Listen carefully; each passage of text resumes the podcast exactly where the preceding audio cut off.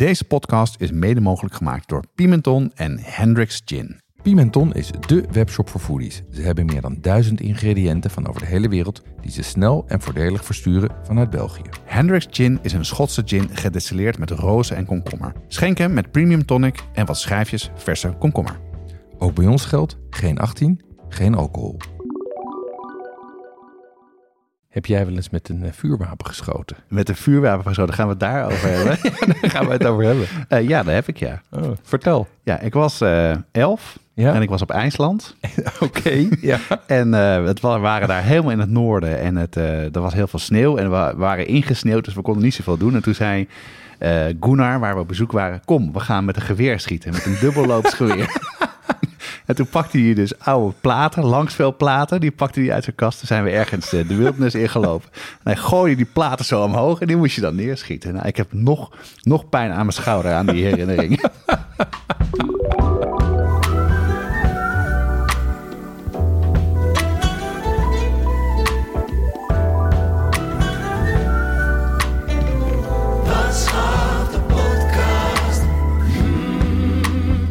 Deze aflevering is de eerste van een tweeluik over wild.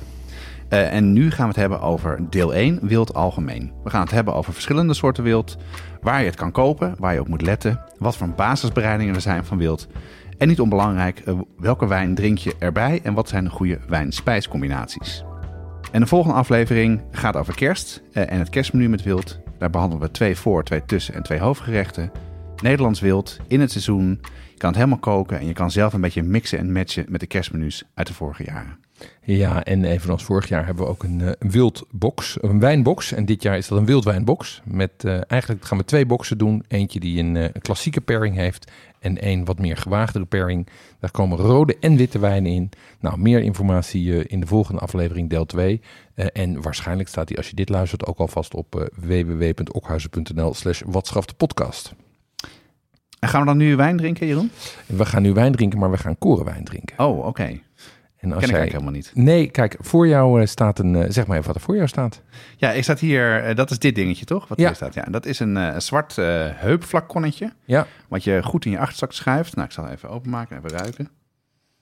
Ja, het ruikt naar een sterke drank. Zal ik een stokje nemen? ja neem een slokje. Nou, dat is best lekker. Ja, Ik had iets heel scherps verwacht. Maar dat valt eigenlijk hartstikke mee. Ja, dit is. eh, eh, eh, kijk, dat heupflaconnetje is natuurlijk even een knipoog naar de jacht. Waar vroeger een heupflacon met drank meeging als je urenlang door de, door de winterse landschappen schokte. Tegenwoordig zijn de jagers daar overigens buitengewoon sterk op tegen. Dus dat is meer een beetje Ja, een historische gedachte. en, nee, nee, nee. Maar bij een winterse wandeling is het natuurlijk wel lekker. Ehm, en ik was eigenlijk geïnspireerd door dit, door dit flesje. Die kregen we opgestuurd van de jongens van Zwart Nazareth. Ehm, dat, is, eh, dat is een leuk verhaal. Dat Zwart Nazareth maakt een graanjenever volgens een recept uit 1776. Echt waar? Ja, en die zijn daarmee gestopt in 1972. Ehm, en eh, vorig jaar in 2020 zijn de, of voor de twee, ja, twee, vorig jaar zijn de, zijn twee, is de negende generatie. Jeroen en Peter Kramers die zijn op, hebben dat recept weer opgeduikeld en hebben het opnieuw gestookt. Ja. En eh, dat leidt tot deze graanjenever. En dat is een, eigenlijk een oude graanjenever van eh, zuivere moutwijn met rogge, mais en gemouten gerst.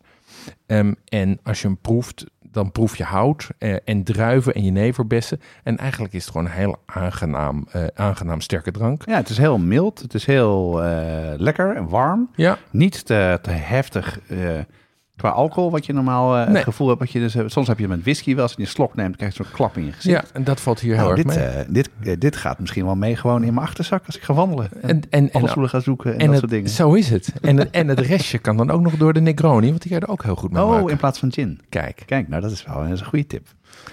Leuk. Nou, dank voor het opsturen en, en voor het proeven.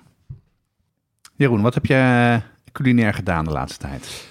Ehm, nou, wij zijn alweer in eh, eigenlijk twee dingen. Ehm, we, zijn- we kunnen weer een beetje reizen. En Dat vind ik wel heel fijn. Dus ik ben met de familie naar, eh, naar Düsseldorf geweest. Eigenlijk op, ook op jouw aanraden. Naar, eh, naar Little Japan.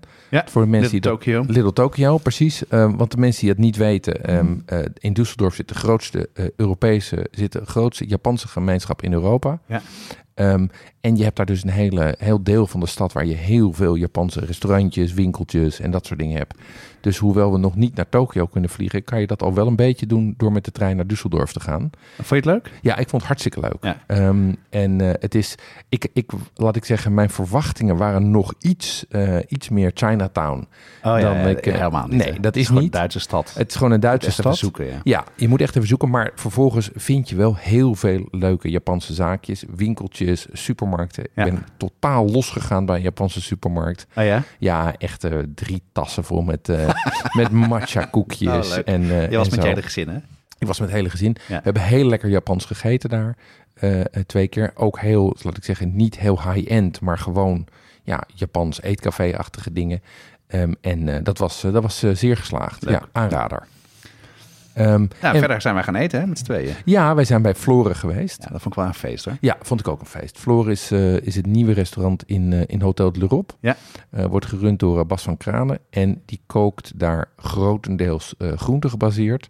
Met nog een klein beetje eh, vlees en vis, maar dan eigenlijk allemaal lokaal. En geen zuivel, hè? Geen zuivel, Dus precies. geen boter, geen Nee, dat soort dingen. Vond ik wel heel interessant. Ja, en eh, ik vond het een, het was een, wat een heel licht eh, menu. Ja. Ehm, met voor mij, met het, hoogtepunt zeg maar, was, er was een, was een heel mooi voorgerechtje. Wat bestond uit allerlei wilde kruiden, wat ik erg lekker Ja. vond. Of 30 of zo, hè? Ja, ontzettend veel. Elke, elk kruid had zijn eigen smaak en zijn eigen dingen. Het Ja. paste goed bij elkaar. Niet te veel. Ja, ik vond het ook echt een, echt een super aanrader. Ja, en, en ik vond ook, eh, vervolgens hadden ze ook een gerecht met rivierkreefjes, wat ik erg lekker vond, en een kwarteltje. Ja. Eh, en eh, ja, dat, was, dat vond ik echt een, was echt een genoegen. En ook leuk om te zien dat zo'n instituut toch ook weet te innoveren. Zeker weten. Het is, eh, wat, het, wat het erop is, heeft een beetje een oudbollig karakter. Zeker uit onze jeugd vroeger Ja. in, in Amsterdam. En dat restaurant totaal niet. Nee. En het, ja, dus ik zou, het is de, de prijskwaliteit was ook heel goed, vond Ja, ik. Dus, Precies. Fijn, dat je, fijn dat je me daarvoor had uitgenodigd. Wat heb jij eh, uitge- uitgespookt? Nou ja, ik heb, ik heb, ben ook weer, eh, we zijn ook op vakantie geweest. eh, toevallig ook in Duitsland. Wij Mhm. waren deze keer in Heidelberg. Ja. Wat een, echt een fantastisch mooie stad is. Oh ja? Het is een van de weinige steden die niet gebombardeerd is. Mhm. Dus het is ja, idyllisch in een rivier met een groot fort wat er boven de stad uittorent. Alleen qua eten was het ja, een beetje Duits. Dus eh, ik heb wel mijn best gedaan. En dat, wat ik het maf vond... Bokworst en schnitzel? Ja, vooral niet zo. Nou, mijn zoon was dus eh, stikgelukkig, want die Oh vindt ja. het heerlijk. Lekker Oh ja. schnitzels eten. En, eh, en toen waren we op een gegeven moment bij... Je hebt een aantal van die, van die brouwerijen waar je dan kan zitten. En de- deze was echt helemaal vol en konden we net terecht. En dat was ontzettend lekker. En wat ik het leuke vond daar... is je hebt de, de Speetburgunder, de rode wijn. Ja. En gewoon een simpel rode wijn op de kaart. was super goed. Dus, eh, en toen zijn we naar een andere gegaan. Dat was echt helemaal niks meer. Nee? Dus, nee, dus we zijn snel weer teruggegaan. En als we dan thuiskomen van vakantie, is een beetje onze traditie. Dan gaan we altijd Thai halen. Om gaan eventjes weer terug totaal andere smaken in te gaan. Dus dat Ja. hebben we ook gedaan. Ja. Leuk. En verder ben ik ook uit eten geweest in Amsterdam. Ben Ja. gaan eten bij Kantine Caron. Dat is eigenlijk... eh, zit in het Westerpark in, in een pand waar ze vroeger een pop-up hadden... vanuit waar ze bekend van zijn, eh Café Caron uit de Ja. Pijp. Daar kom ik graag. Ja. Heerlijk eten. Ja, Café Caron stop. Ja, en ze ging met die verwachting van dat eten naar een kantine Caron... en toen viel het eigenlijk best wel tegen. Ja? Ja, het was gewoon. Ik kreeg een beetje de indruk dat eh, het niet om het eten per se ging. Wat ik wel vind bij kantine, bij Ja. Café Caron. Daar Ja. gaat het echt om lekker eten op, op je bord zetten. En het is het gezellig. Maar het is een mega grote ruimte. En het voelde een beetje een soort van conceptproces. Voorgerechten waren koud, handig, makkelijk klaarzetten. En de hoofdgerechten, ja, er was één gerecht gewoon niet lekker. En de Ja. rest was prima, was oké. maar gewoon dan duur en net te weinig. En aan alle kanten was dat zo'n beetje van, ja, Net niet. Net niet. Hm. Dus ik hoop dat ze daar, eh, want ze moeten dat zelf zeker ook zien, denk ik, want ze kunnen absoluut koken. Ja. Dus ik hoop dat ze dat eh, omdraaien, want dan heb je wel een perfecte formule. Een mooie ruimte met heel goed eten. Die was vooral een mooie ruimte, gezellig en het eten kon gewoon iets beter. Jeroen, bij jullie thuis wordt toch veel hot sauce gegeten? Ja, dat klopt. Er staan eigenlijk altijd wel iets van vijf flesjes open. En elke paar weken is er eentje op. Dus dat gaat, eh, gaat behoorlijk hard. Maar waar, waar gebruik je het dan bij? Waar, waar, waar eet je het mee dan? Nou, mijn dochter houdt niet zo van heet eten, maar mijn jongste zoon juist wel. Ehm, eh, dus bij heel veel avondeten kiezen we dan zelf. Eh, Bij taco's, bij kip, bij gebakken rijst, dat soort dingen. Ehm, en overigens ook bij lunch- en ontbijtgerechten. Tosties, gebakken eieren, pizza, alles.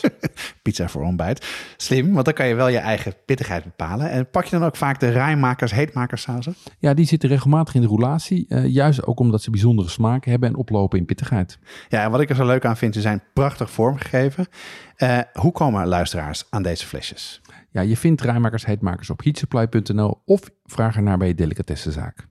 Nou, eh, we gaan het hebben over wild, hè Jeroen? Daar wilde jij het heel graag over hebben. En ik ben eigenlijk wel benieuwd waarom je het over wild wil hebben. Dus wild als eh, vlees. Ja. Ja. En vooral vlees, denk ik. Hè? Ja, eh, alleen vlees zelfs. Ja. Ehm, ja, ik, ik, wild heeft dat. Ik, zoals je weet ben ik een seizoenenman. Ik hou van, van koken met de seizoenen. En als, het dus de, als de blaadjes beginnen te vallen, ehm, dan wordt ik, begint bij mij ook weer de jeuk van ja, ik, dan weet ik dat er weer wild beschikbaar is. Ehm, en ik vind het heel lekker. Ehm, en de reden dat ik het hier ook over wil hebben, is dat het toch wel redelijk onbekend is. En dat Ja. er veel misverstanden over zijn. Het is wel een soort eten met een aantal haken en ogen. En wat natuurlijk ook belangrijk is, en tegelijk controversieel, is dat het ook een hele duurzame manier van vlees eten is. En dat, in ieder geval in mijn perspectief, het eh, relatief eh, goed zit met het dierenwelzijn van wild. Ja, maar dat, niet iedereen is het erover eens, hè, maar daar komen we het vast en zeker nog zo over te, eh, te praten. Ja, ik vind het heel leuk, want ik weet er weinig van. En eh, wij hebben het hier al lang geleden als plan over gehad. En jij bent echt al maanden bezig met, eh, met je voorbereiding en het te verdiepen en boeken te lezen. Misschien leuk om even te vertellen wat je allemaal hebt gedaan om je hierin te verdiepen. Ja, wat je, wat je, kijk, die, die controverse, dat merk je ook als je je online research doet. Daar is heel veel, eh, daar zijn eigenlijk heel, daar zijn ofwel heel veel feiten te vinden, ofwel eh, hele contrasterende meningen. Van, Ja. aan, laat ik zeggen, aan de ene kant de jagers en aan de andere kant de dierenactivisten. Ehm, dus ik ben zelf eh, op onderzoek uitgegaan met mensen die daar gewoon, laat ik zeggen, op een verstandige manier mee bezig zijn. Ik heb gesproken met een, eh, met een van onze eh, mensen die we op Instagram volgen. Dat is Peter Groeneveld. Over de praktijk van de jacht. Hoe gaat dat er nou eigenlijk in het veld aan toe? Hoe Ja. gaat dat jagen nou echt? Want het is, zit toch een beetje in de verdachte hoek. Ja. Ehm, en wij zijn samen langs geweest bij de wildexpert van Nederland, Peter Klossen. Ehm, over zowel ook weer inkoop en dierenwelzijn, maar ook bereiding. Hoe zorg je er nou voor dat je lekker wild krijgt te eten? Ja, en verder heb je veel kookboeken gebruikt hè, om informatie te zoeken, eh, je research te doen. Ja. En welke, welke zijn interessant om te noemen? Ja, ik heb, het is wel interessant dat, ik, ehm, dat dit een van de velden is waar ik echt voor een belangrijke deel op boeken was aangewezen. Veel meer dan online. Ehm, de boeken waar ik bij terecht ben Ja, gekomen. eigenlijk. Hè? Ja, ja, Ja. Dit, is echt, dit is echt iets waarvoor je, waar je online relatief weinig Ja, over vindt. Toch die controverse, hè, denk ik. Ja, die ook, controverse en ook misschien dat het niet hip is of zo. ja, niet fit genoeg, nee, niet niet, snel, fit. makkelijk nee, genoeg. nee. Ehm, dus, dus waar ik, waar ik Ga door, ga door. Waar ik bij terecht ben gekomen is de Wildbijbel. Dat is een boek geschreven door Peter Klossen. Komt uit de serie van Carrera.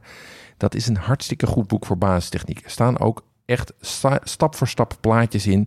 Hoe je een fazant uit elkaar haalt. eh, hoe je eh, dingen bereidt. Heel instructief boek met veel achtergrondinformatie. Hier en daar een beetje gedateerd. omdat, laat ik zeggen, wat je mag jagen en wat je kan kopen niet altijd, eh, laat ik zeggen, dat verandert natuurlijk. Maar als basis vond ik het echt heel erg goed. Ja, mooi. Ehm, dan voor recepten ben ik terechtgekomen bij eh, eh, eigenlijk drie boeken die allemaal zeg maar een Franse achtergrond hebben. Ehm, Altijd zondag van Wilde Mand. ja, is net uit, hè? Ja, eh, klassiek Nederlands-Vlaams met een Franse inslag. Hij was chefkok van Bordewijk. Ja. Kon heel goed wild koken en heeft een paar fantastische recepten. Nou, interessant.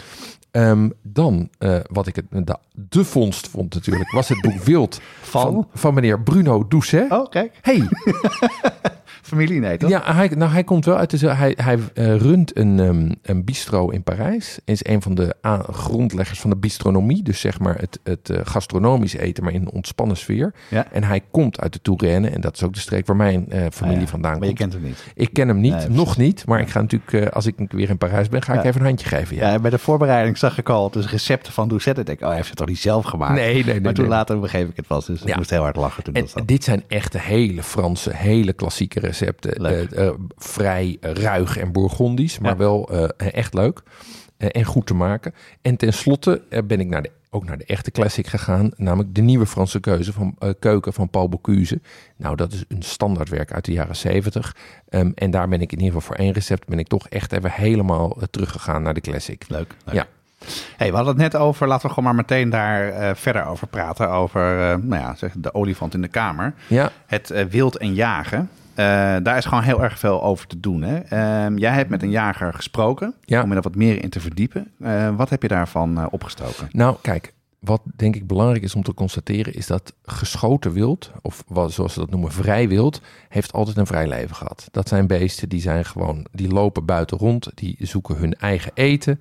ehm, en dan wordt, die worden dan vervolgens worden die afgeschoten als dat nodig en mogelijk is. Ja, dus dat dat, is gaat over beheer van de wildstand. Ja. En dat is iets waar nog meer dan eh, vissers, wat ik zie, daar heel erg zorgvuldig wordt omgegaan met beheer van de stand en dat afschieten op een verantwoorde manier doen. Ehm, daarbij speelt, en dat haalde ik ook weer uit het gesprek met Peter Groeneveld, dat de wetgeving en handhaving in Nederland buitengewoon streng is. Ja. Waar er in het buitenland nog wel eens eh, mensen, eh, elfjarige jongetjes met een dubbelhoofd jachtgeweer Ja, dat bedoel ik. Maar dat- rondlopen. Maar dat is dus Ja. wel... eh, kijk, dat is, de, dat is ook mijn associatie met het jagen. Uit, klasse, uit families met veel geld. voor lol jagen. Eh geweren over je schouder. En eh, nou, we mogen weer we knallen wat, wat beesten af. Want dat is denk ik wat, wat veel mensen er tegen hebben. Ja, maar als je met de jagers zelf praat, dan merk je dat ze daar heel, ehm, dat ze heel erg begaan zijn met dat afschot zorgvuldig gebeurt. Dat Ja. ze alleen de de- beesten pakken die, laat ik zeggen, waarvan het goed is dat ze worden afgeschoten. En dat ze het heel belangrijk vinden om een dier meteen te doden. Het ergste wat je als jager kan doen is eh, verkeerd schieten. En, en, eh, en, en, en dan moet je hem ook op jacht, dan moet je hem ook weer vinden. Hè? Zoals Ja. een beest aanschieten. En, eh, en hij is niet dood, dan zijn ze verplicht om dat beest vervolgens eh, eh, op te halen en dit ook te rapporteren. Dus, Oh ja? dus ja. dat is verschrikkelijk, want als je natuurlijk een zwijn aanschiet en die gaat er vandoor, Ja. probeer hem dan nog maar eens te pakken te krijgen. Ehm, en wat ik er ook uithaalde, is dat die jacht geen industrie is. Ehm, als je, ik heb even met hem gepraat over de financiële kant van jagen. Hoe werkt dat dan? Waar mag je dan schieten en wat levert het op? Ehm, en dan hoor je dat, het, dat er totaal geen, eh, dat het niet uit kan, zeg maar. Ja. Jagen is niet iets wat je voor het geld doet Ja. in Nederland. Nee, en dat is natuurlijk wel wat eh, met veel dingen die waar een industrie achter zit, zeker de vleesindustrie, Uh-huh. is geld natuurlijk, ja, zorgt ervoor dat er toch wel keuzes gemaakt worden waar je vraagtekens bij kan zetten. Ja, daar wordt gewoon, daar wordt gewoon winst geoptimaliseerd. Ja. En dat is hier niet het koste geval. van dieren. Ja, Ja, ja. Nee, dat is ook wat ik, eh, waar ik aan moest denken toen we het hierover hadden. Is, ehm, je hebt Marieke Ottema. Mhm. Ehm, zij is eh, vegan. En heeft op een gegeven moment de keuze gemaakt om te gaan jagen. En eh, dat ook zelf te doen. Eh, zij vindt het eigenlijk de meest pure vorm. Omdat je daarmee zelf je vlees doodt. En dat, wat zij ook zegt, is die beesten hebben gewoon een heel erg goed leven gehad. Een veel beter leven dan bijvoorbeeld in de stallen waar alle koeien dicht op elkaar staan. En laten het niet over varkens hebben. En Zegert van der Linden heeft een hele leuke podcast met haar gemaakt. Heeft haar gesproken. En eh, we zullen dat wel even in de show notes zetten. Want dat is, eh, is gewoon goed om daarnaar te luisteren. Om haar kant van het verhaal ook, eh, ook te horen. Maar als we het dan over, over eh, de issues hebben, hè, die mensen Mhm. met de jacht hebben. Vind jij dat nou terecht? Als je zo een beetje, want je hebt je er flink in verdiept. Ja. Als je daar zo naar kijkt. Nou, hoe, hoe ehm, kijk je daar tegenaan? Eh, eh, ra- rationeel denken vind ik de jacht vind ik absoluut de meest, de minst dieronvriendelijke manier van vlees eten. Ja. Ehm, eh, maar emotioneel begrijp ik het wel. Ehm, en dat is, de, de, laat ik zeggen, de bezwaren die mensen daartegen hebben. Kijk, het probleem is dat de jacht zichtbaar is. Ja. Het is toch een beetje het beeld van de boze jager die achter Bambi aangaan. Dus het, het, het narratief, zoals ze dat tegenwoordig noemen, is tegen de jacht. Ja. Ehm, en wat daar niet helpt, is dat mensen het voor hun plezier doen. Ja, precies. Eigenlijk werkt daar het feit dat het niet is voor je werk, maar dat het voor je plezier is, werkt eigenlijk tegen die of jacht. privilege. Precies. Dat is natuurlijk ook een versterkend ding. Ja, en, en, maar wat natuurlijk daar tegenover staat, is dat de vleesindustrie, die is voor ons grotendeels onzichtbaar. eh, en ook het doden van dieren daar. En ik, in ieder geval in mijn perspectief, is het, is, eh, als je naar dierenwelzijn kijkt, is een beest wat in gevangenschap gehouden is. En vervolgens met stress op een, eh, op een trailer wordt geladen en eh, door een slachthuis wordt gejaagd. Is toch echt een stuk minder dierenwelzijn dan, ehm, eh, dan een dier wat vrijgeleefd heeft en vervolgens op een, op een keurige manier wordt afgeschoten. Ja. Ehm, en als je tegen dat laatste bezwaar hebt, ja, misschien moet je dan ook gewoon geen vlees eten. Ja. Nou, het is wel goed dat we hier eh, dat we deze discussie even gehad hebben, want dat leeft gewoon heel erg. Maar laten we, laten we verder gaan. Ja. Ehm, waar associeer jij wild mee? Als je het hebt over wild eten. Nou, em, eigenlijk hetzelfde wat jij, wat jij zei, herfst en winter. Ehm, ik eet het eigenlijk heel weinig. Ja. Ik maak het zelf niet zoveel, dus ik eet het vooral in, eh, in restaurant. En dan Mhm. is het, eh, is het nou ja, vooral eend en hert, denk ik. En vooral als er wordt gezegd, let op, er kunnen kogels in zitten. Dat is waar ik het mee associeer. En ik, het is, ik heb er een beetje mixed gevoelens bij. De ene keer vind ik het heel lekker, de andere keer heb ik het best wel... Nou ja, ik vind dat niet een hele prettige smaak, heel metalig, leverachtig. Ja. Dus zit er een beetje tussenin. Dus ik, ik maak het eigenlijk heel weinig. eh, en soms lekker en soms niet. Dus daarom ben ik ook wel heel benieuwd gewoon, eh, om hier verder over door te praten. Ja, dat is, dat is natuurlijk ook uh, die associatie met de metalige smaak. Ja, daar, daar, zijn goede, daar zijn, hebben we goede redenen voor. Ik denk dat we het daar zo even over moeten hebben. Nou, um, voor mij is wild een, een hele uh, bijzondere en feestelijke manier van eten. Wij doen het in het seizoen regelmatig, ook niet heel vaak.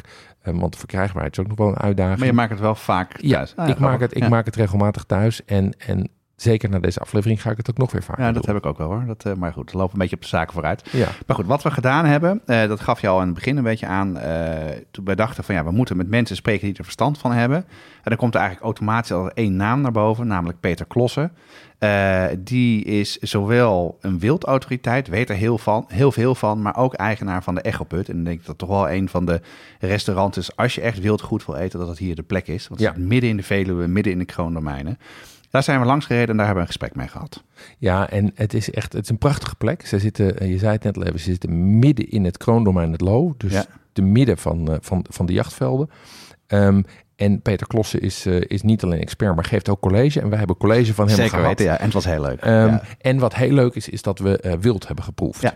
Ja, want jij, dat vond ik wel grappig. Je had je me niet van tevoren aangekondigd. We, waren hier naartoe gereden en je, wij stapten uit en je pakte uit de achterkoffer een coolbox. Ik denk, ja. wat gaat hij daar nou mee doen? Je liep de keuken in en toen dacht ik van nou, nou, vertel, wat was daar het gedachte achter? Ja, nou, de gedachte was heel simpel. Kijk, um, uh, ik heb heel veel gelezen over de verschillen in wild. En, en, en wat bedoel je met verschillen dan? Nou, je, kijk, je hebt natuurlijk je hebt eigenlijk uh, verschillen. Je hebt Nederlands wild en geïmporteerd wild. Ja, ja, ja. Um, en je hebt gehouden en geschoten wild. Ja, okay. En je hebt vers en diepvrieswild. Okay, dat zijn zeg maar drie dimensies die je van wild kan hebben. Ja. En um, daar hoorde ik van allerlei partijen die verschillende belangen hebben dingen over roepen. En toen dacht ik, ja, ik wil gewoon weten wat het, hoe, het, hoe het verschil proeft. Ja. Dus ik heb aan Peter Klossen gevraagd, kunnen we dat proeven? En toen zei hij, ja, dat supermarktwild, dat doen wij niet aan. Maar als jij gewoon een paar pakjes van de Albert Heijn meeneemt... dan wil ik wel daar het, uh, het wild van het kroondomein naast zetten. Dus we hebben die side-by-side -side geproefd. Albert Heijn pakjes gewoon gevacumeerd uit, het, uh, uit de koelvitrine... versus het wild wat, um, wat Peter hier vanuit het uh, kroondomein krijgt. Ja, en de keuken uh, bij, uh, bij de, de Echoput heeft dat, uh, heeft dat voor ons bereid. die enerzijds het Albert Heijn vlees en anderzijds het lokale vlees.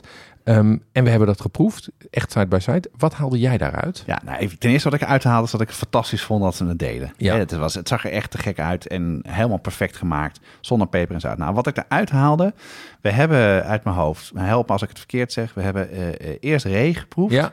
side by side en daarna herten. Ja. ja. En het was echt een wereld van verschil. Ja. En als eerste was de smaak veel interessanter ja. uh, van het vlees wat, uh, wat bij de Echoput bereid was en wat uit de, de, uit de omgeving komt. Um, maar het was gewoon, de ene was droog, het supermarktvlees, en, en dit was sappig en smaakvol. En, ja. ja en dat was bij beide dingen, zowel ree als hert. Uh, het was gewoon totaal ander soort vlees wat je aan het eten was. Ja. En, uh, en, en wat ik ook nog heel erg leuk vond, dat was namelijk niet gekruid, maar toch was het ontzettend lekker. Ja, dat, dat precies. Nou, dat, dat viel mij ook op. Ik, het was gewoon complexer, dat lokale wild. Het had, het had meer laag, het had meer lengte. Absoluut. Um, overigens was het supermarktwild ook lekker hoor. Laten we niet doen alsof nee, dat nee, vies nee, nee, was. Maar het was omdat je maar het het zo naast echt, Als je het echt naast elkaar proeft, dan is, merk je het verschil. Zo dan erg. merk je het verschil. Ja. En die structuur vond ik ook echt een belangrijk verschil. Ja. Het was veel... Uh, het was veel, uh, veel, veel malser, uh, zonder dat het, laat ik zeggen, boterzacht was. Maar gewoon het at lekkerder. Het mondgevoel was prettiger. Um, veel mensen hebben toch een bepaald idee bij wild. Dat het leverig is en heel bloederig. Um, Peter Klossen had het daar ook over. Hoe kijk je daar nu naar, sinds die proeverij? Nou, dat het dus helemaal niet hoeft. Nee. Dus dat die de associatie die ik met wild heb eigenlijk niet klopt. Mm -hmm. Die zware smaak, ja, die heb ik niet geproefd. En zeker naar het verhaal wat uh, Peter vertelde, klopt dat ook niet. Hij, hij, zei ook dat zijn vader had met hetzelfde voordeel te maken mm -hmm. toen hij de Echoput begon. Dat kwam eigenlijk omdat het vlees uh, verkeerd behandeld werd. Het Ja. was uh, een soort van gebruikelijk dat het vlees lang moest besterven. Hij had het zelfs over een, uh, dat je het in een, in een schuur moest hangen aan, een, na, aan een, een spijkertje. En als het van het spijkertje afviel, was het goed. Ja. En dan wordt het gewoon ja, bedorven. En Ja. dus niet lekker. En Nee. daar komt dus die hele smaak vandaan. En het kan dus heel anders, want dat hebben we zeker geproefd. En wat ik ook interessant vond, is dat er zoveel verschil tussen de verschillende soorten eh, vlees had van hetzelfde dier. Dus Ja. dat, dat wist ik ook helemaal niet. Ja, ja dat het eh, precies. Nou, dat, dat, is, dat was voor mij ook een eye-opener. Of in ieder geval, dat hielp mij om dingen beter te begrijpen. Ehm, het was echt een college van, eh, van Ja. Peter. Ja, over wat, wat heb je daar nog meer uitgehaald? Nee, ja, zeker. Ik heb er heel veel uit gehaald. Eh, een van de eerste dingen die ik uit heb gehaald is dat je eigenlijk... Hij had het niet over wild, maar over wild levende dieren. Ja. Die gezond zijn, die hun eigen eten zoeken. Dat het beste wild veel ruimte heeft. Eh, en dat het dus in Nederland, omdat het, dat er geen bergen zijn, dat het best wel goede plekken zijn waar het wild kan bewegen en het vlees niet te taai wordt. Want als je het uit Schotland bijvoorbeeld haalt, waar ze veel de moeite voor te doen, wordt het vlees taaier en dus anders van structuur en smaak. Mhm. Ehm, bevriezen is een heel belangrijk ding. Hij zei van ja, als je die, die smaak, die wildsmaak, nog wat meer, waar we het net over hadden, meer proeft, kans is groot dat het verkeerd ingevroren is. Ja. En je moet het vlees eh, qua eh, snel invriezen. Eh, dat heet blast freezing. Met koude lucht heel snel op een hele koude temperatuur. En je moet het langzaam ontdooien. En wat me ook wel is bijgebleven is hoe het systeem hier in Nederland werkt. Dat, er, dat het een hele korte keten is die super professioneel is. En dat elk dier ook terug te herleiden is waar het vandaan komt. En dat keurmeesters het ook eh, keuren. Mhm. En, eh, en een ander ding, even een soort van side note, eh, dat je eigenlijk ree niet sous vide moet bereiden. Dat Ja. zei hij. Hij wist nog niet zo goed waarom, maar eigenlijk zei hij, zijn we er proefondervindelijk achter gekomen dat je hert en ree vooral klassiek moet bereiden. Ja. Aanbraden in de pan en dan nagaren in de oven. Ja, wat, wat, voor mij de, wat voor mij ook echt inzichtelijk was, is dat eh, eh, omdat dat wild dus in zulke, laat ik zeggen, niet in gecontroleerde omstandigheden opgroeit, kan het dus zijn dat het wild wat in Nederland opgroeit heel anders eet dan het wild wat in eh, Schotland opgroeit. Ehm, is het ook zo dat verschillende wildsoorten verschillend eten. Dus een ree is heel specifiek in Ja. wat hij eet. En een zwijn, die vreet gewoon alles wat, Ja. voor, wat voor hem komt. En dat is dus ook van invloed op de smaak van het vlees. En daarmee, in ieder geval, dat hielp mij om te begrijpen dat wild dus niet alleen, eh, laat ik zeggen, een hele specifieke smaak kan hebben, maar dat precies wat jij aangeeft, dat binnen één diersoort, waar we natuurlijk gewend zijn, zeg maar, gestandardiseerde varkentjes te krijgen, is het zo dat je het bij ree, ja, het maakt heel erg uit of je een jong ree hebt of een eh oude ree. Het maakt uit of je een lenteree hebt of een herfstree. Het maakt uit of je een Nederlandse ree hebt of een Schotse ree. Je, Dus ja? die, die, die variaties, die zijn gewoon ook weer groot. Oké. Laten we dan even de inhoud ingaan. Ja. Eh, laten we heel eventjes, ik denk goed om even, even wild neer te zetten van wat er in Nederland te krijgen is. Welk wild is hier? Ja, en als je kijkt naar wat hier in Nederland in het wild leeft en afgeschoten mag worden, eh, dan is dat eh, het kleinwild, haas, konijn, duif, eend, fazant en gans. Oké. Dus dat zijn eh, zeg maar de, de, de, de dieren met oren die op de grond leven en een aantal vogels. En dan hebben we grof wild en dat zijn eigenlijk maar drie die ertoe doen, everzwijn, ree en hert. Oké. En is dat altijd verkrijgbaar? Want je had net over lenteree en, en, en herfstree. Ja. Dus hoe zit dat dan? Nou, dat, is, ehm, dat verschilt per soort. Dat is best ingewikkeld. Ehm, eh, eigenlijk is het zo, je hebt twee dingen. Je hebt een jachtkalender en die heeft vooral te maken met eh, eh, de fase waar een dier in zit. Je gaat dieren niet afschieten op het moment dat ze zwanger zijn bijvoorbeeld. Dus daar heeft het mee te maken. Ehm, dus de jachtkalender bepaalt wanneer je wat mag eten. En daarnaast kan je hebben dat het op afschot is. En dat betekent dat, je een, dat er op dieren mag worden gejaagd, bij wijze van uitzondering, omdat ze overlast veroorzaken. Oké, Ehm, en in de praktijk is het zo dat je konijn, duif en gans het hele jaar door kan eten. Want die mogen altijd worden afgeschoten, dat is die, omdat ze overlast geven. Ehm everzwijn, hert en eend kan je eigenlijk vanaf eind oktober tot eind december mag je die eh, schieten. Die hebben zich dan vol kunnen vreten. Die zitten op dat moment, laat ik zeggen, is dat het optimale moment om ze af te schieten. Ehm, en haas en fazant die gaan vanaf 15 oktober tot eind december.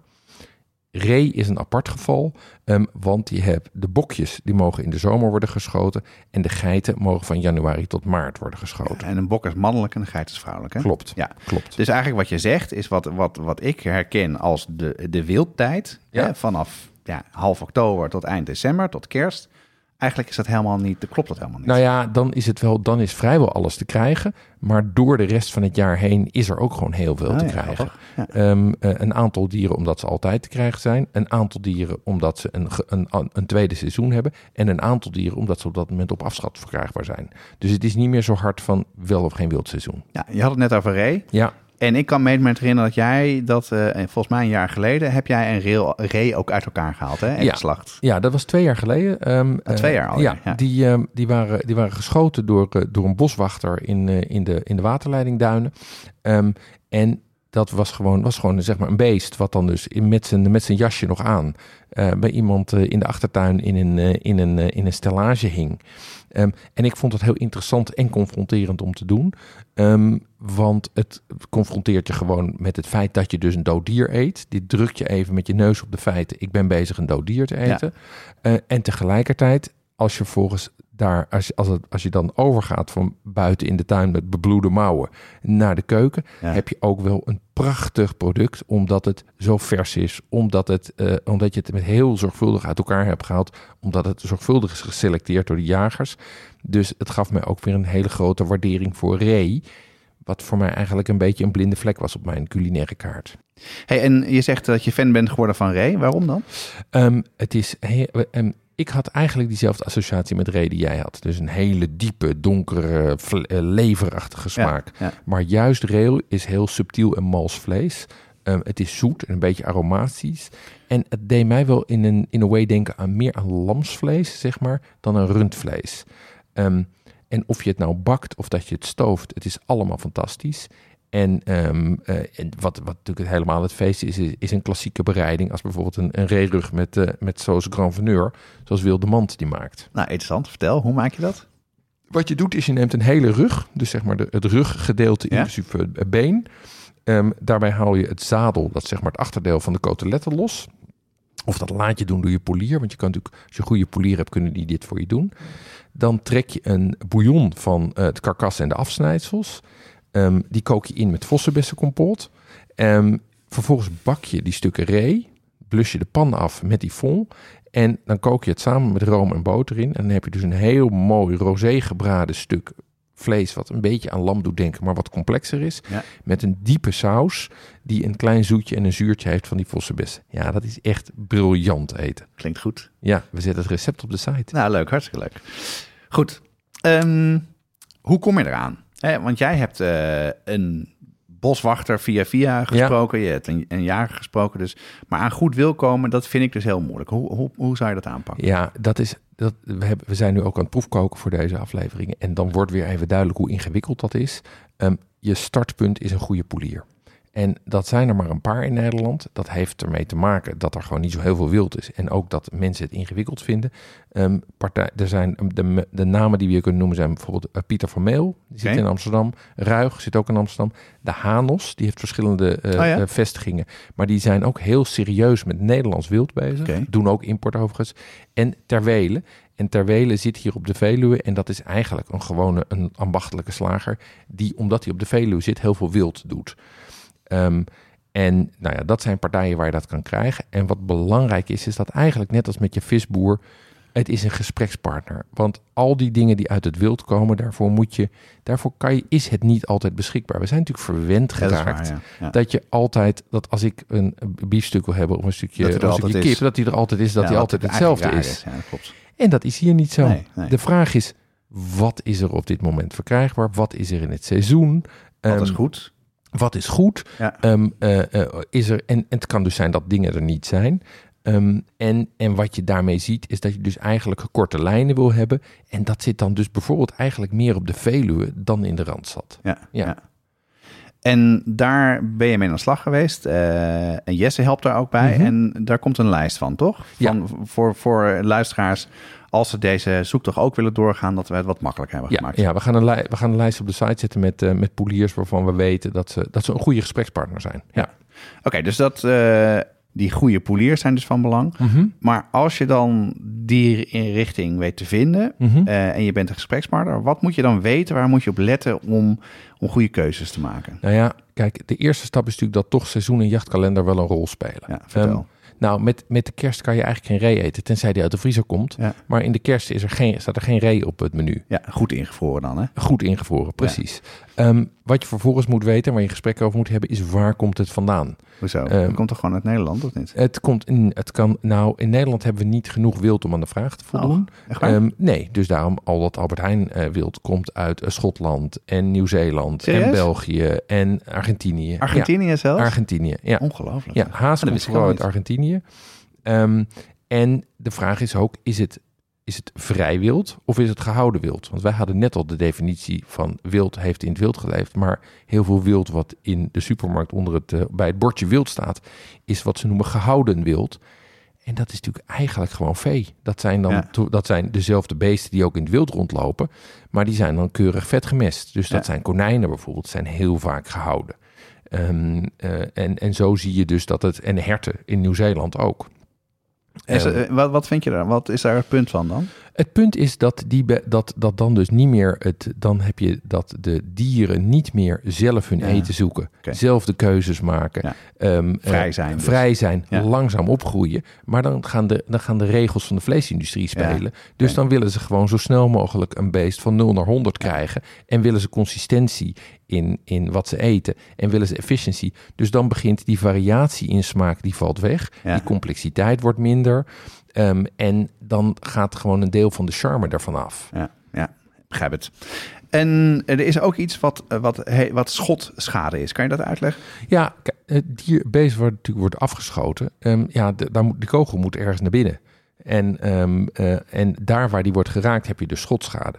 Ehm, en dat speelt bij, ehm, dat speelt bij grofwild speelt dat wat minder. Want als je een goede jager hebt, dan schiet hij hem gewoon meteen in zijn hart. En dan is het beest Ja. dood. Grofwild is grootwild. Grofwild is grootwild, precies. Dus dat zijn her- herten, fazanten, eh, herten, zwijnen, reeën. Ja. Ehm, maar waar schotschade wel speelt, is bij gevogelte. Want die wordt dan bijvoorbeeld bij eenden of bij fazanten, die worden met hagel geschoten. Ja. Ja, en dat kan ertoe leiden dat je dus een stuk van je filet, dat die beschadigd is. En kan er ook toe leiden dat je eh, kogeltjes eh, in, je, in je eten hebt zitten. Ja. Dat vinden mensen ingewikkeld. En tandartsen vinden dat soms een Ja, succes. daar moet je echt mee oppassen. Ja. Maar toch ook dat, dat dus een gedeelte van de ingewanden dus, dus eh, in het vlees komen. En dat daar ook waar die metalige smaak vandaan kan komen. Nou, dat, dat heeft natuurlijk te maken met, eh, met hoe ze worden ontwijd. Want als het goed is, wordt zo'n beest in het veld eh ontwijd. Dus dan snijden ze de buik open, gooien ze de ingewanden eruit. Maar als je daarbij toevallig de galblaas raakt of andere ingewanden raakt... dan kan het zijn dat, dat die inhoud van die ingewanden op dat vlees terechtkomt... en dat het daar gaat besmetten.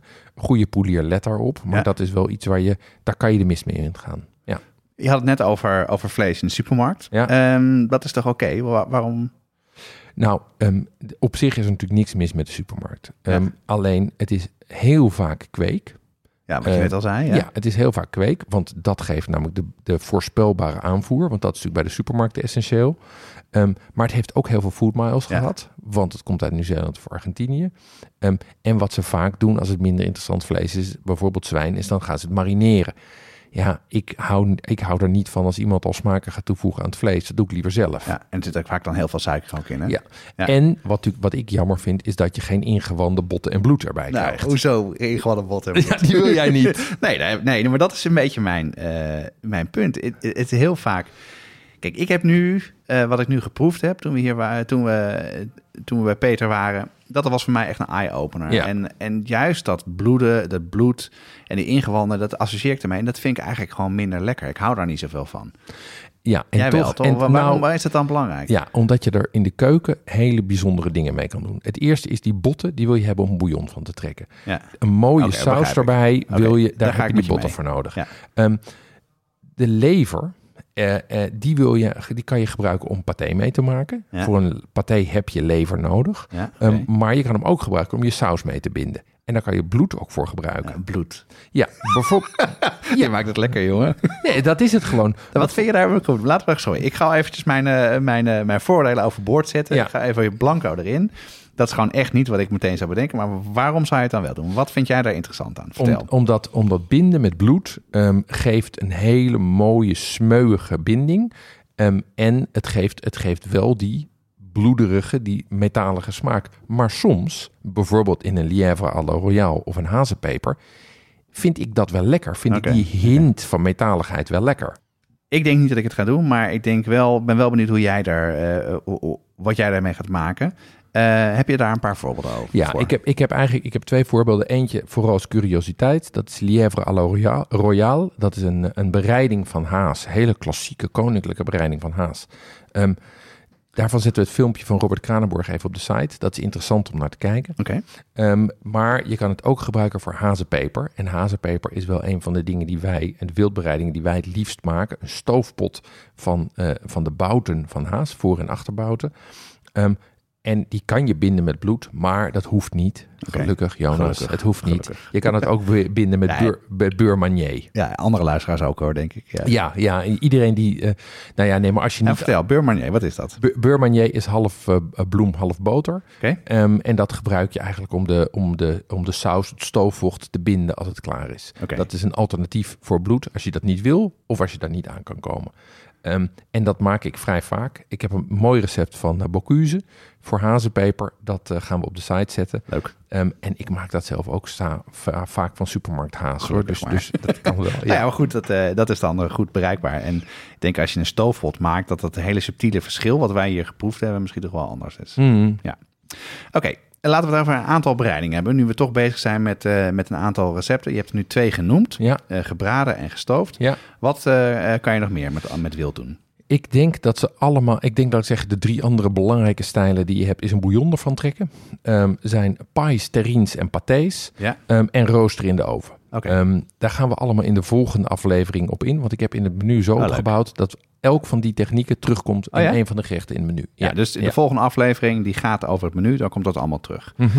Ehm, Oké, dan hebben we het dus nu vooral gehad over eh grofwild, zoals je het eh, zelf zei. Je noemde al een beetje in wat voor een wild er in Nederland is, dat er ook veel gevogelte is. Kan je even vertellen welke de belangrijkste zijn en, eh, en wat je daarmee kan? Nou, gans is natuurlijk belangrijk. Wilde gans hebben we het eerder ook al over gehad. Ehm wordt heel veel op geschoten. Eh, wordt heel veel op gejaagd, want het geeft veel overlast. Ja. Ehm, daar kan je vooral de, bo- de eh, borsten goed van gebruiken. Duif is wat mij betreft een heel ondergewaardeerde eh, vorm. Ja, ik denk meteen aan de Amsterdamse duif op Ja. de Dam, maar Ja. die wil je denk ik niet. Nee, nou het zijn dezelfde beesten, maar die dan in een, die een iets gezonder dieet hebben gehad. Eh fazant vind ik dus heel lekker. Dat is, eh, dat is een soort van kip met net iets meer. Ja? Ehm, als je dat goed bereidt, is dat ook heel smeuig en lekker. En kan je ook heel goed bijvoorbeeld terrines van maken. Ja. Wilde eend heel erg lekker, met zuurkool of zoiets. En tenslotte patrijs. Ja, patrijs, dat kwam vroeger eh, in Nederland voor, maar daar, daar wordt niet meer, eh, nu mag er niet meer op gejaagd worden. Maar je kan nog wel krijgen en over het algemeen kan je het vers uit Frankrijk halen. Ja. En, eh, en Peter Klossen, die zei over patrijs dat hij het eigenlijk lekkerder dan fazant vond. Ja, Dat er twee soorten zijn waar je naar kan kijken. Je hebt de roodpoot patrijs en de grijspoot. ja, hij vond de grijspoot veel lekkerder. En Ja. dat, daar zijn veel mensen met hem eens. Het is ook veel, veel duurder. En een roodpoot is kweek. En ja, het enige is, het is aan de prijs. Ja. En eh, er zitten dus voetmaals aan. Het moet wel uit het buitenland, uit Duitsland of uit Frankrijk komen.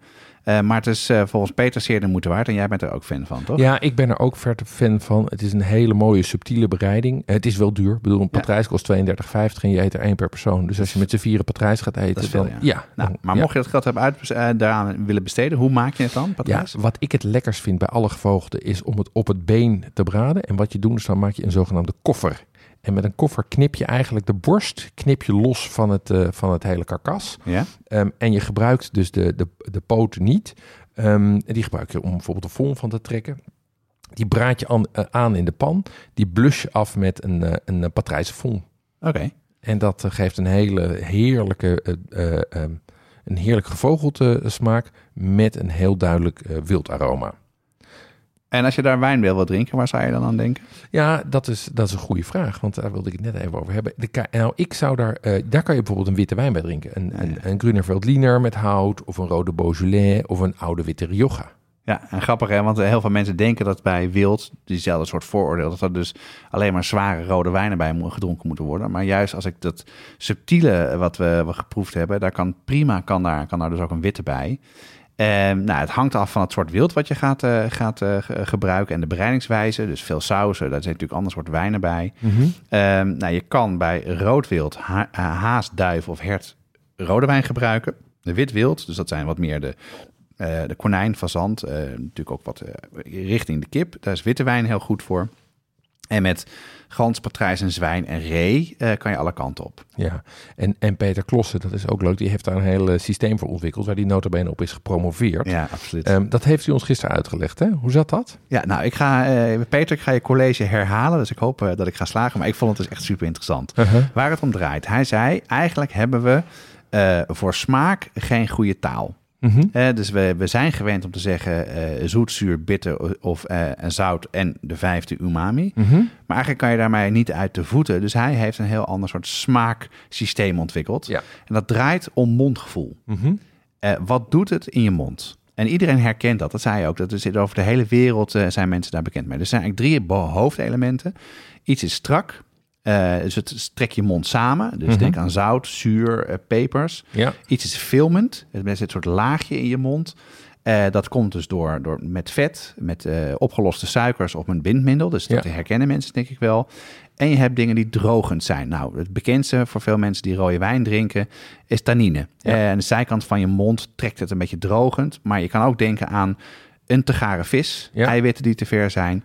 Of bijvoorbeeld een chips, of Ja. iets knisperend, of korsten van brood. Dus Precies. dat was de basis. Het tweede element wat je daaraan gaat toevoegen is de intensiteit. Ja.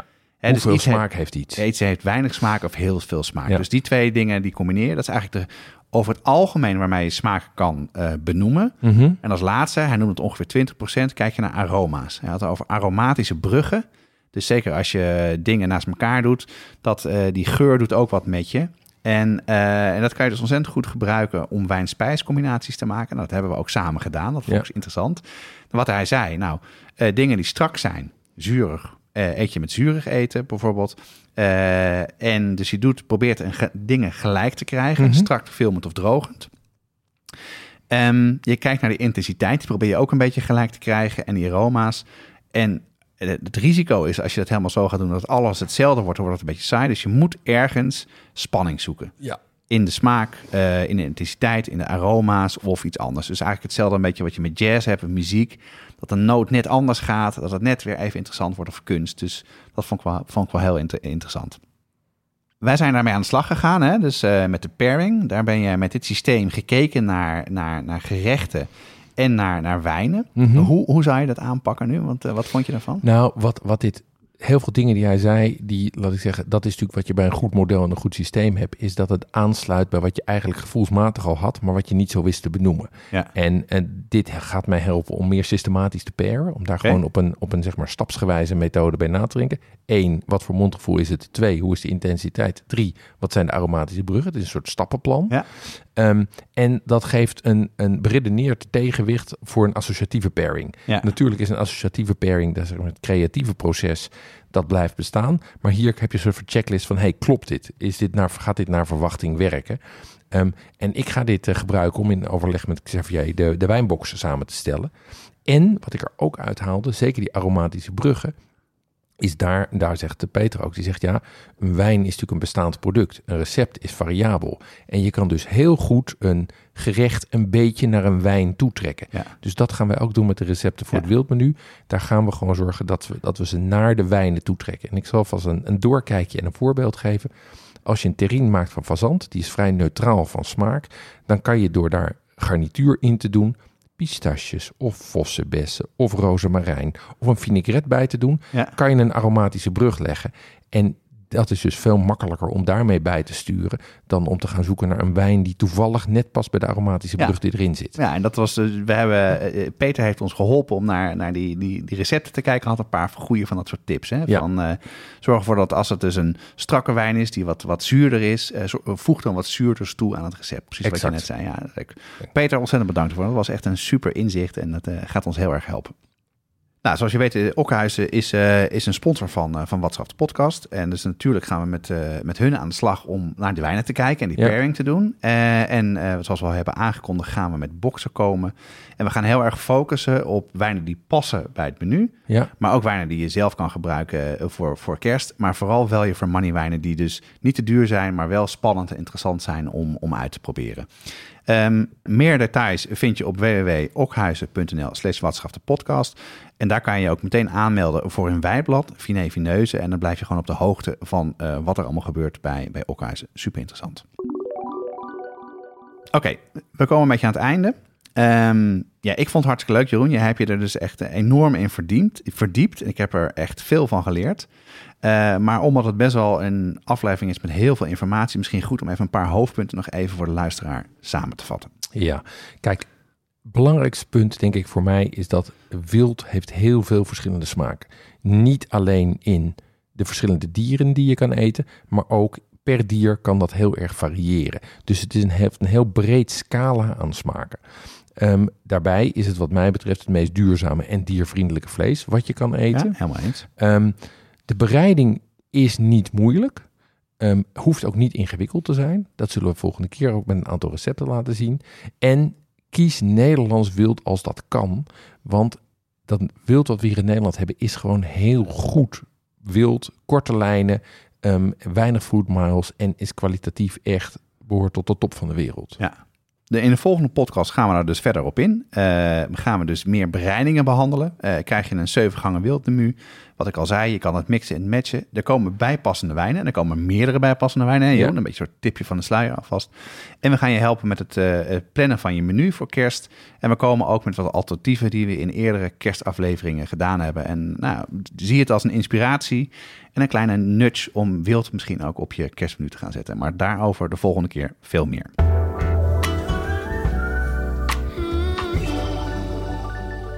Nou, dan gaan we van, van wild naar vis. Vis ja. is natuurlijk eigenlijk ook in essentie uh, wild, als het niet de kweekvissen zijn. Uh, van de afslag, ons feuilleton om uh, over duurzaam, om meer duurzame vis te, te, eten en daar recepten voor te ontwikkelen. Wat heb je daarvoor gekozen deze keer? Ja, ik heb een, een klassieker weer eens uit de kast gehaald. De Baja California Fish Tacos. Die hebben we al eens eerder genoemd, maar die, die wilde ik zeker nog eens een keer noemen. Dat is een Amerikaans recept. En het fijne is dat het met vrijwel elke vis kan. Ja. Elke witte vis. Um, wat je feitelijk doet, is je neemt een, een, je neemt een visfilet, die snij je in reepjes, die haal je door een beslagje en die frituur je. En vervolgens doe je die met een zelfgemaakte salsa, sour cream en ijsbergsla in een warme bloemtortilla. Klinkt prima, Jeroen. Het is lunchtijd, Jonas. Ik heb daar last van nu. nou, dan gaan we snel afronden. Elke twee weken op donderdag staat er een nieuwe aflevering klaar. Meld je op de site aan voor onze nieuwsbrief. Zodra een aflevering live staat, ontvang je een e-mail met alle recepten en andere leuke informatie. Deze podcast wordt gemaakt door Jeroen Doezet en Jonas Nouwen. Het team bestaat verder uit Corianne Straathof, Annie Tasselaar, Paul Veldkamp, Kato van Paddenburg en Jesse Burkunk. De mooie muziek is gecomponeerd door Nico Brandsen en Ton Dijksman en uitgevoerd door Mel en Vintage Future. Reacties kan je sturen naar uh, jeroen.watschaftepodcast.nl of jonas.watschaftepodcast.nl of je stuurt een DM via een van onze socials. Tot de volgende keer. Tot de volgende keer.